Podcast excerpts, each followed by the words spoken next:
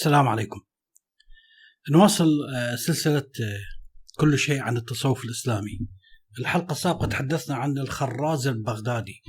يعني بدنا نتحدث عن الأعلام في بدايات التصوف الذي فيما بعد سوف يكون حركة بل مذهب مستقل. ذكرنا أن الخراز البغدادي توفى سنة 286 هجري. اليوم أحد الأعلام اللي نتحدث عنه اسمه التستري. التستري البصري. هذا توفى سنة 283 هجري. يعني معاصر لزميله الخراز. الكلام كله بالقرن الثالث الهجري. في هذا القرن بالقرن الثالث الهجري يعني في عهد الخراز عندما كان حي وحتى التستري كانت مسألة العلاقة بين الأنبياء والأولياء. ومن ثم المسلمين العاديين الذين كانوا يدينون لهم بالولاء للأولياء أو حتى الأنبياء كانت مسألة ملحة بالفعل. وذكرت لمحة وضربت مثل بالحلقة السابقة أنه مثلا على سبيل المثال الحديث المنسوب للنبي علماء أمتي أفضل من أنبياء بني إسرائيل أو علماء أمتي كأنبياء بني إسرائيل. هذا راح يسوي فد مشكلة أنه كثير من الناس يقولون أئمتنا أفضل من الأنبياء آه، أولياءنا أفضل من الأنبياء بل حتى اليوم هناك أشخاص كثيرين يقولون أنه رجل دين اللي مهمته فقط يفتي بالوضوء والصلاة والطهارة أفضل من الأنبياء بسبب هذا الحديث. نعم هناك أحاديث كثيرة حتى عندما تأتي على عفوا دعك من التصوف. عندما تأتي إلى المذهب الشيعي الاثني عشري هناك حديث تورد عنهم. أنا ما أعتقد أن هذه الأحاديث صحيحة أبدا. لا يمكن أن تكون صحيحة. مثلا أحد الأئمة المعصومين بين قوسين يقول إن لنا مع الله حالات لا يبلغها ملك مقرب ولا نبي مرسل. هذا نسف لمفهوم النبوة أنه الإمامة أفضل أصبحت أفضل من النبوة. هاي مشكلة راح يصدى لها التستري. ويصدى لها من؟ قبل أو في نفس الوقت الخراز. الخراز في بغداد. التستري في مدينة البصرة. كان يواجه هؤلاء الناس اللي يتكلمون ويرفعون الأولياء إلى تلك المعرفة، طبعا هو سهل ابن ابن عبد الله التستري. كما ذكرت توفى 283 يعني قبل ثلاث سنوات توفى من مما توفى الخراز. اذا حال حال كثير من علماء المسلمين الآخرين في هذه الفترة كانت تستري كثير الأسفار.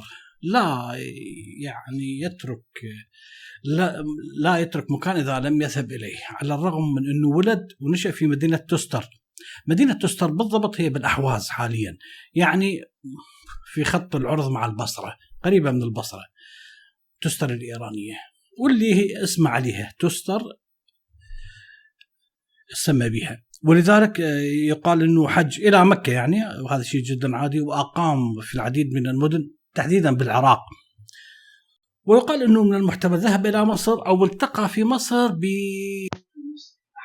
اعلام التصوف اللي توفى 245 يعني توفى قبل تقريبا ب 40 سنة. يقال إنه أخذ بعض العلوم منه. أيضا يقال إن التستري تاثر بتفسير قديم للقرآن الكريم هذا التفسير قدم الإمام جعفر الصادق.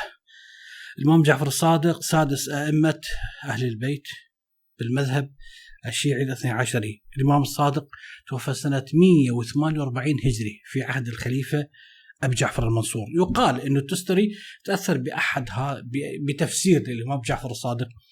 مع العلم أنه هذا الرجل يعني نستطيع أن نقول عنه أنه كان مبدع بحد ذاته. لم يكن يبحث عن أفكار في مصادر الآخرين سواء الغنوصيين أو أتباع الافلاطونيه الحديثة وغيرها، لا هو رجل كان مبدع وليس مبتدع.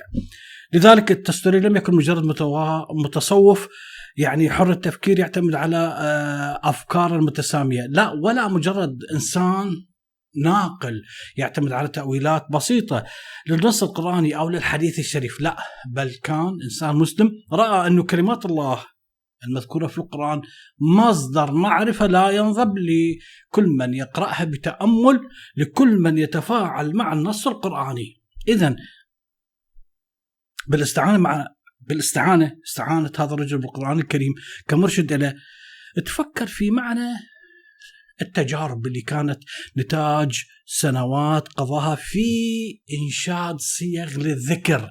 هذه اللي متعارفة موجودة لحد الآن. عند الصوفيين هو اللي أوجدها أو مثل يعني نستطيع أن نقول وضعها في يعني حلة جديدة الذكر اللي هي كذا مرة يسبح لله ويذكر الله وغيرها. هاي الأمور باكملها تعلمها من خاله. عندما كان طفل كان متأثر بخاله اللي كان أيضا متصوف أحد علماء الحديث المشهورين كان. فلربما تعلم منه وتأثر به.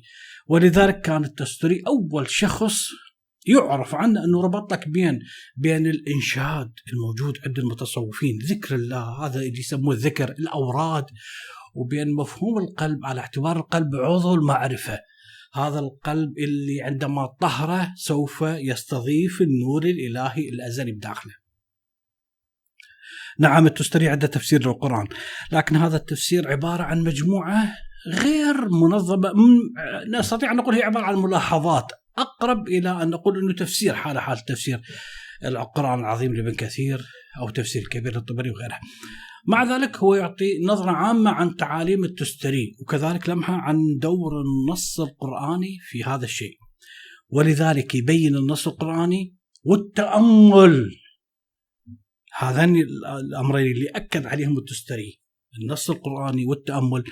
الاثنين سوف يجعل التستري يطور الفكرة القرآنية القائلة بأنه يوجد هناك ميثاق أزلي. بين من؟ هناك ميثاق أزلي بين الله وبين العباد. هذا الميثاق الأزلي حيث استدعيت كل أرواح البشر الذين سوف يخلقهم الله فيما بعد وقبلوا بالله ربا. لهم الآية القرآنية التي تقول ألم أعهد إليكم يا بني آدم إلى آخره؟ فهو يقول هو التستري يقول أنا كنت موجود في وقتها عندما الله خاطب البشر بأكملهم قبل ما يخلقهم قبل ما يخلق الوجود عندما قال لهم ألم أعهد إليكم يا بني آدم؟ يقول أنا قمت. وقلت لا بلى. هو يذكر هكذا التستري. الله قال ألم أعهد إليكم يا بني آدم؟ فقلت بلى. لكن مع ذلك النسخة اللي يقول بها التستري بهذا الميثاق اللي بين الله وبين الأرواح امتدت إلى ما يعني نستطيع أن نقول قبل فجر الخليقة ماذا يقول؟ يقول إنه قبل أن يخلق الله البشر خلق الله محمد اولا. خلق محمد قبل أن يخلق كل البشر. وهنا القصد مو محمد النبي المعروف تاريخيا، محمد اللي ولد يوم 1 نيسان 571 ميلادي بمكة واللي توفى 8 حزيران 632 بالمدينة. لا ليس هذا محمد بل كان هناك محمد كوني. هذا المحمد الكوني خلق من نور صافي. هذا النور الصافي منين؟ نابع من الله الله الأزلي نفسه. إذا محمد خلق من نور صافي. آه، نابع هذا النور الصافي منين؟ من الله الأزلي نفسه. من هذا النور المحمدي خلق الله بعد ذلك بقية البشر بالترتيب؟ أول ما خلق الأنبياء ثم خلق أولياء الله الصالحين ثم خلق بقية الأرواح البشرية العادية. هكذا يقول التستري. مع ذلك التستري يقر أنه ليس كل البشر اللي خلقهم الله مساوي. لا أولياء الله ليسوا مقربين من الله بفضل عبادتهم أذكارهم صدقهم إخلاصهم لا هم مقربين من الله ليس بفضل جهودهم الخاصة ولكن بفضل المكانة التي قدرها الله سلفا باللحظة اللي خلقهم بها. يعني قبل أن يخلقون حتى لهذا العالم هم موجود كل ولي ومرتبته.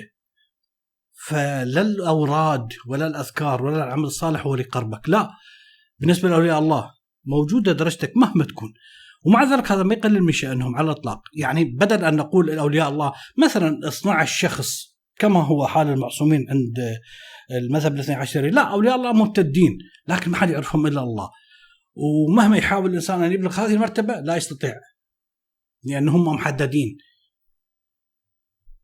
نعم صحيح هؤلاء المسلمين الباقين العاديين بإمكانهم التقرب من الله بالصوم والصلاة والعبادات والصدق، استخدام أساليب الذكر والإنشاد ويطهرون قلبهم من مشتتات النفس الكثيرة، لكن لا توجد لهم أي فرصة في هرمية الولاية السماوية، هاي هرمية خالقها الله واضعها الله لا يمكن التلاعب بها، التلاعب بها.